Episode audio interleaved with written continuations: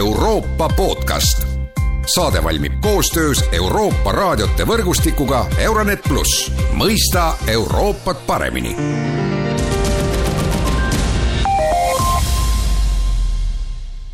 tere päevast ja eetris on taas Euroopa podcast. paar päeva tagasi asus Euroopa Komisjoni Eesti esindust juhtima Viivina Loonela, kes on meil täna ka stuudios, tere päevast! tere! Ja tänases Euroopa podcastis räägimegi esinduse plaanidest ja üldse Euroopa Liidu kohast Eestis. mina olen Erkki Bahovski ja noh, esimene küsimus võib-olla natuke sellist, selliselt isiklikku laadi, et Vivian, sa olid ju tegelikult päris kõrgel kohal, päris kõrgel kohal Brüsselis, sa olid rohepöörde kõneisik iga päev sisuliselt rambi valguses ja miks siis nüüd selline otsus tulla Brüsselist Tallinna? no mul endal, ma pean ütlema, ei ole kunagi olnud ka sellist tunnet, et ma oleks väga Tallinnast ära olnud. ma läksin Brüsselisse tükk maad tagasi Eesti diplomaadina NATO juures ja kui ma läksin sealt edasi ka Euroopa Komisjoni tööle, mul on alati olnud õnne töötada teemadega, mis on Eesti jaoks olnud olulised ja kus mul tegelikult suhe ja töö, töösuhe Eesti ametkondadega, Eesti kolleegidega on olnud väga tugev. et seetõttu mul ei ole ka tulnud see muutumine ei ole minu jaoks nii suur, aga kui avanes siis võimalus tulla tõepoolest teha sedasama Euroopa Liidu tööd kõneisikuna ju endiselt moel või teisel siin Tallinnas, siis ma olin kohe rõõmuga sellega nõus. no uus juht, uued plaanid, nagu öeldakse, et äh, mis siis võiksid olla esinduse lähiaja plaanid, et äh, kas sa näed ka äh, vajadust midagi muuta? kui me vaatame, mis on need suured teemad, mis praegu meil on Eesti ühiskonnas põhiteemadeks, kas need on energiahinnad või rohepööre laiemalt, see on see, kuidas meie majandus tuleb välja koroonakriisist, kuidas me saame hakkama koroonakriisiga, või praegusel hetkel siiski ennekõike see käimasolev julgeolekukriis, siis samad teemad on ju need, mis on ka Euroopa Liidus olulised praegu. täpselt samade teemade ümber käib kõik arutelu, käivad kõik arutelud Brüsselis ja siin ongi esinduse roll näidata ühelt poolt, kuidas see Euroopa Liidu liikmesus on kasulikum nii neis teemades kui kõigest laiemalt, ja teiselt poolt see on selge, et kõik need riigid, kus siis riigisisene debatt Euroopa teemade üle on tugev, see aitab ka mm, oma positsioone Brüsselis äh, paremini esindada. ja samamoodi saame me näidata siitpoolt, kuidas need arutelud, mis meil siin Eestis on Euroopa teemade üle, sest kõigis neis teemades, kas rohepöördes, kas äh, julgeolekus, majandusküsimustes, koroonas, on see puutumus Euroopa Liiduga nii suur, see aitab meil, see mõjutab ka neid Brüsseli arutelusid, me peame tegema seda mõlemas suunas. nii et äh, selles osas äh, ma arvan, esinduse töö jätkub äh, jõuliselt, äh, kuidas, kuidas nüüd Euroopa teemasid Eestis rohkem aruteluks võtta, kuidas näidata, mis sellest kasu saab. lisaks on see aasta Euroopas noorteaasta. Euroopas iga aasta on välja kuulutatud mingi temaatika, noorteaasta on hästi oluline selles osas, et kui me vaatame viimast kahte mööda läinud seda koroona-aastat, siis noortele on see kindlasti väga raske olnud, et hoolimata sellest, et Euroopa Liit ju Eesti noortele on andnud tohutult võimalusi enda arendamiseks, reisimiseks, eakaaslastega suhtlemiseks, oma kodukandi parandamiseks läbi erinevate europrojektide, aga me tahame seda viia nüüd veel selgemini noorteni, et nad saavad, nad peavad tegele-, mitte nad peavad, aga nad saavad tegeleda ja nad saavad nii palju kasu nendest Euroopa teemadega tegelemisest. No siit ongi hea edasi minna järgmise küsimusega, küsimus, mis ei puuduta ainult Eestit, vaid tegelikult ju kõiki Euroopa Liidus riik, liikmesriike, on ju see, et et Brüssel on kodanike jaoks kuidagi kauge, Euroopa Liit on kauge, no ja tõesti, toome siia mängu need noored, et kuidas siis seda Euroopa Liitu ikkagi kodanikele lähemale tuua, et noh, et nagu teha selgeks see, et noh, et meie olemegi osa Euroopast, et ei ole mitte niimoodi, et nemad seal Brüsselis ja meie siin Eestis jaa, see on hästi oluline, et seda vahetegemist tegelikult ju ei tohi olla. Eh, meie olemegi Euroopas, Euroopas midagi ei otsustata ilma, et ka Eesti oleks nende asjadega päri ja ja näeksime, kuidas see meile kasulik on. ja kui me vaatame tegelikult nüüd, no mis on olnud meie viimaste aastate kõige tähtsam väljakutse, on muidugi see koroonakriis,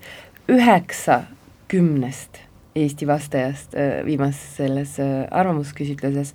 olid kas kuulnud, näinud või lugenud Euroopa Liidu ühistegevusest koroonateemadel. et näiteks seal, kui võtame seesama vaktsiinide teema, Euroopa Liit tegutses niivõrd tugevalt selle nimel, et kõik liikmesriigid saaksid need vaktsiinid üheaegselt, saaksid, et oleks kindlus, et me jõuame nii kaugele, et meil on enamik äh, meie elanikkonnast vaktsineeritud, see on olnud väga selge näide sellest, kuida-, kus see lisaväärtus on. aga lisaks muidugi Eesti inimestele on maru kasulik olnud olla osaline eh, maailma tugevamas majandusliidus, Eesti on võitnud Euroopa Liidu liikmelisusest nii majanduses, poliitilises stabiilsuses, see on igaühel meist avardanud võimalusi reisimiseks, õppimiseks, ettevõtluseks, aga kõike seda, nagu sa ka ütled, sellest see tunnetus peab olema muidugi inimestel sees, et jah, see Euroopa on meile kasulik olnud. kuidas me seda teeme, on muidugi läbi arutelude, meil on erinevad äh, erinevad äh, võimalused selleks, äh, hästi oluline on kaasata ka koole, just nimelt alustada, meil on see noorteaasta, me lähme ja räägime, esiteks räägime õpetajatega, siis räägime, räägime kooliõpilaste ennetega, kuidas, kuidas ta ähm, Euroopat neile lähemale tuua, kuidas seda arusaamist kinnistada, et me oleme Euroopa, meil Eestis on, teame kõik, valimiste-eelne aasta ja, ja see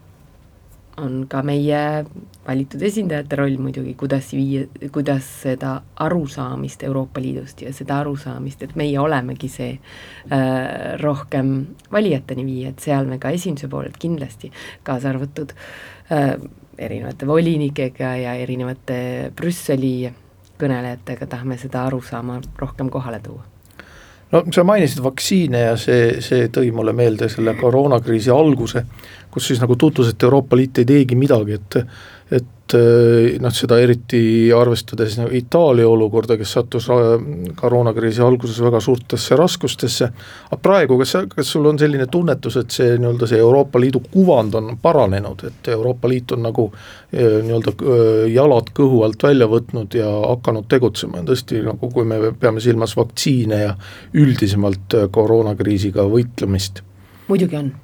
muidugi on, sest see jah oligi, kõigil oli šokk, keegi ei olnud ju ette näinud seda, mis hakkas juhtuma märtsis kaks tuhat üheksateist, üheksateist, see on juba, ei kakskümmend, vabandust, muidugi kakskümmend jah. aga, aga see ähm,, kui kiiresti tegelikult siis asuti reageerima, et kui me mõtleme sellele, et äh, jah, nägime, kuidas piirid sulgesid, juba paari nädala pärast olid meil need rohelised koridorid, aga see tohutu koordinatsioon ja ei tasu kunagi unustada, et me oleme siin enamik inimesi elanud nii kaua sellel kaugtöö ja kodutöö režiimil, Brüsselis ju äh, nii riikide esindajad kui komisjonis äh, paljud ametimehed käisid endiselt iga päev tööl, kohtusid, arutasid ja seda ei tehtud selleks, et kolleege näha, seda tehti selleks, et leida nii ruttu ja nii operatiivselt kui võimalik paremad lahendused. Äh, vaktsiinide ühishange on olnud tohutu edulugu, kui meil ei oleks seda olnud, siis oleks iga riik võtnud omaette järjekorda, asunud omaette läbirääkimistesse maailma, ma arvan, ühtede kõige tugevamate läbirääkijatega, milleks on äh, farmaatsiafirmad, ja me võime ainult arvata, kus väiksed kaugemad riigid väikeste elanike arvudega oleks sellises olukorras olnud.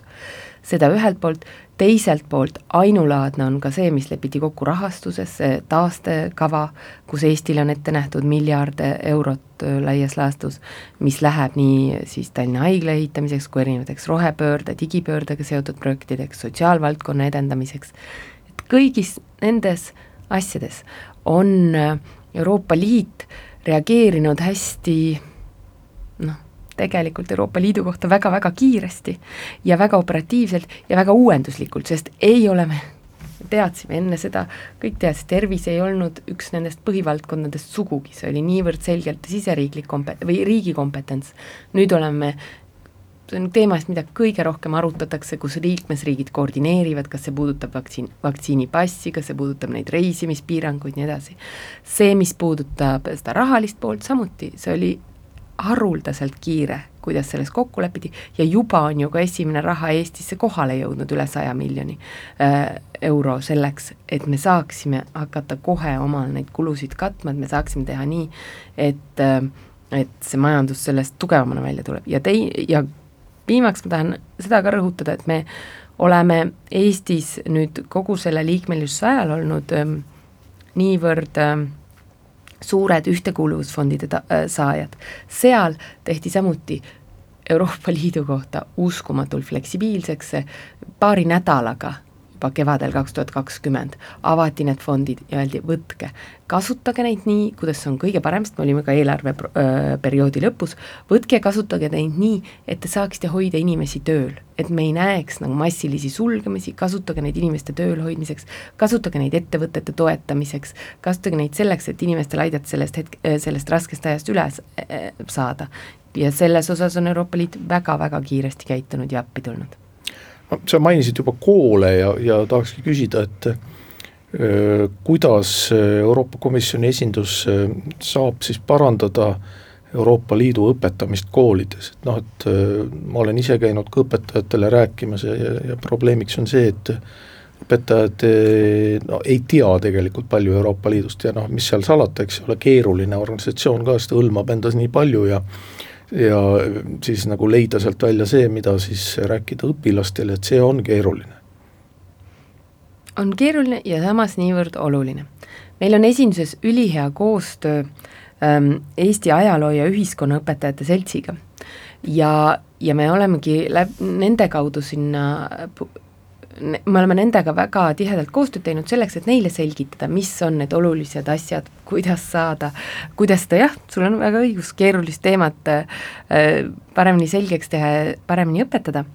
aga mõte on muidugi selles, et meil ei ole paar üksikut tundi terve koolitsükli jooksul, mis keskenduvad Euroopa Liidu institutsioonidele ja ajaloole, vaid et see on selline mõistlik seotud õpe, et igas mitte igas, aga peaaegu igas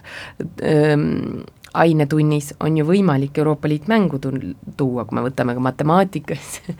Matemaatika ülesanded on teinekord sama rasked kui see e Euroopa Liidu eelarve kokkupanek, et seal võib kindlasti midagi sellist tuua. Ja samamoodi teistes tundides, meil on ähm, Tallinnas Euroopa Liidu esinduse, Euroopa Liidu majas on ka Euroopa Liidu elamuskeskus, mida nüüd jällegi, see on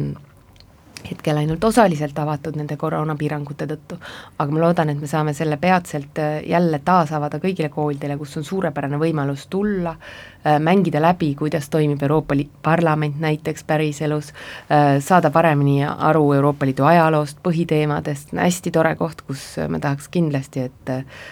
koolid ja klassid hakkaksid käima, et seda ka kohapeal, seda tunnetust kätte saada üldiselt arvamusküsitlused on näidanud eh, eestimaalaste positiivset suhtumist Euroopa Liitu, et noh, see on umbes protsendid on seal kuskil kuuskümmend kuni kaheksakümmend, et eh, mis sa sellest arvad, et eh, ehkki siin poliitilise retoorika poole pealt noh, on ju ka poliitilisi jõude, kes on Euroopa Liitu ju väga palju kritiseerinud, rääkinud Brüsseli diktaadist ja kellele see Euroopa Liidu kritiseerimine on osa sellisest poliitilisest retoorikast, aga inimesed jätkuvalt ikkagi toetavad Euroopa Liitu, et mis sa, mis sa arvad, mis see põhjus võiks olla? ma arvan, inimesed saavadki asjadest õigesti aru, et kui me vaatame julgeolekut, kui me vaatame majandust, kui me vaatame meie kindlustunnet, et me saame siin oma Eesti asja ajada niiviisi paremini, kui me oleme Euroopa Liidu liikmed ja NATO liikmed, see on ju see, millest inimesed saavad väga hästi aru, sest äh, võtame, me kaks tuhat neli saime nende mõlema organisatsiooni liikmeks ja sellest saadik on meie elujärg paranenud, on meie julgeolekutunne nii palju paranenud. Äh, ja see on, see on, see on see, mis panebki Eesti inimesi hästi suhtuma Euroopa Liitu. muidugi me peame käima ja rohkem rääkima konkreetsetest projektidest, mida on praktiliselt igas vallas, igas, igas linnas, näidata, mis on need, see on, see ongi kahepoolne, ühelt poolt see suur kindlustunne ja paranenud majandusvõimekused, teiselt poolt see, et me tegelikult oleme ju eurorahasid nii laialt üle, üle Eesti igale poole ka mõistlikesse projektidesse ähm, finantseerinud, Eesti oli äh, on vist seni on olnud pikki aastaid see riik, mis kõige paremini äh, kasutab eurorahasid ja see teeb meile suurt au. ja, ja selle tulemused, suurt au, see näitab, kui, kuivõrd me ka tõsiselt me võtame seda projekti ja, ja need tulemused on selle võrra ka käegakatsutavamad. muidugi on teemasid, kui me vaatame praegu seda debatti energiahindade üle, siis äh, mul kriibib küll äh, hinge, kui ma näen, et äh, kui palju tuuakse näiteks äh, teemaks välja ähm, ajakirjanduses CO2 kvoodi hind selles elektri hinna kasvus. kui me teame, et reaalsuses see ei mõjuta rohkem kui viiendik seda hinda seni. et ülejäänud hind on tulnud gaasi hinna tõusust, on tulnud sellest, mis nagu äh, kõrge esindaja Borrell ja mm, kaubandusvolinik Vestager on seda välja öelnud, me näeme, kuidas meie põhiline turumüüja äh, Venemaa äh, ei käi- äh,, kuidas ta käitub selle gaasimüügiga teistmoodi, kus võib-olla eeldaksid normaalselt turuosalejalt. Ähm, maailmaturu hinnad, see majanduskasv, kõik see on mõjutanud seda hinnakasvu niivõrd palju rohkem, aga kui ka eile, kui peaminister tegi äh, oma avalduse Riigikogus äh, nende energiahindade teemal, siis nägime, kuidas näiteks mõni portaal võtab välja ainult selle, sellest väga pikast asjalikust kõnest teema number seitse ehk CO2 kvoodi hinna ja veel lisab omalt poolt kriitikat juurde, et need on teemad, millega me ka esimese poolelt peame tegelema, Eesti publik väärib objektiivset pilti nendes küsimustes. no siit jõuamegi ajakirjanduse juurde ja noh, eks see ole selline delikaatne teema ajakirjandust kritiseerida, aga aga ma küsin siis niimoodi, et mis on need teemad, eh, mida sinu arvates ajakirjanduses võiks Euroopa Liidust rohkem kajastada ja, ja kas mingisuguseid asju on, noh sa juba rääkisid siin CO2-st, kas mingisuguseid asju on nagu ikka noh, täiesti valesti ka kajastatud? Eestil on nagu kõigil, ma, ma olen nüüd nii pikalt elanud Belgias, Belgia ajakirjandus on selles mõttes ainulaadne, et me, nad asuvadki Brüsselis, neil on no nende jaoks on see Euroopa Liit nagu siseuudis põhimõtteliselt. jah, ja see katab iga vald, igas valdkonnas, mis on, on sinna ka juurde lisatud alati mis seal Euroopa Liit, see on nii seotud kogu aeg nende euroteemadega. et selles mõttes see on teine äärmus, meie oleme siin nii palju eemal, aga selge see, et äh, ajakirjanduses äh, on alati alati saab igal pool, mitte ajakirjandus, igal pool saab rohkem tööd teha, saab rohkem ja põhjalikumalt asjadesse minna. eks neis euroteemades sa ütlesid ise ka, nad on nii keerulised nendes nagu äh, detailideni minna, selleks tuleb teinekord seda paremini tunda, paremini teada, me omalt poolt näiteks mis me teeme Euroopa Komisjoni poolt, me viime iga aasta vähemalt grupi, loodetavasti kaks gruppi ajakirjanikke Brüsselisse, et nad saaksid seal kohapeal äh, paremini selle tunnetuse kätte, kuidas nende teemadega käia. seda me võime vaadata erinevalt, erinevates riikides on erinevad lähenemised sellele, Iirimaal näiteks nüüd möödunud aastal äh, äh, nende avalik äh, õiguslik ringhääling võttis omale kohustuse, et nad iga teema, mida nad katavad, nad toovad sinna sisse ka kliimatemaatika, et aru saada, mis on seal siis see jalajälg või et me ei räägi puhtalt ainult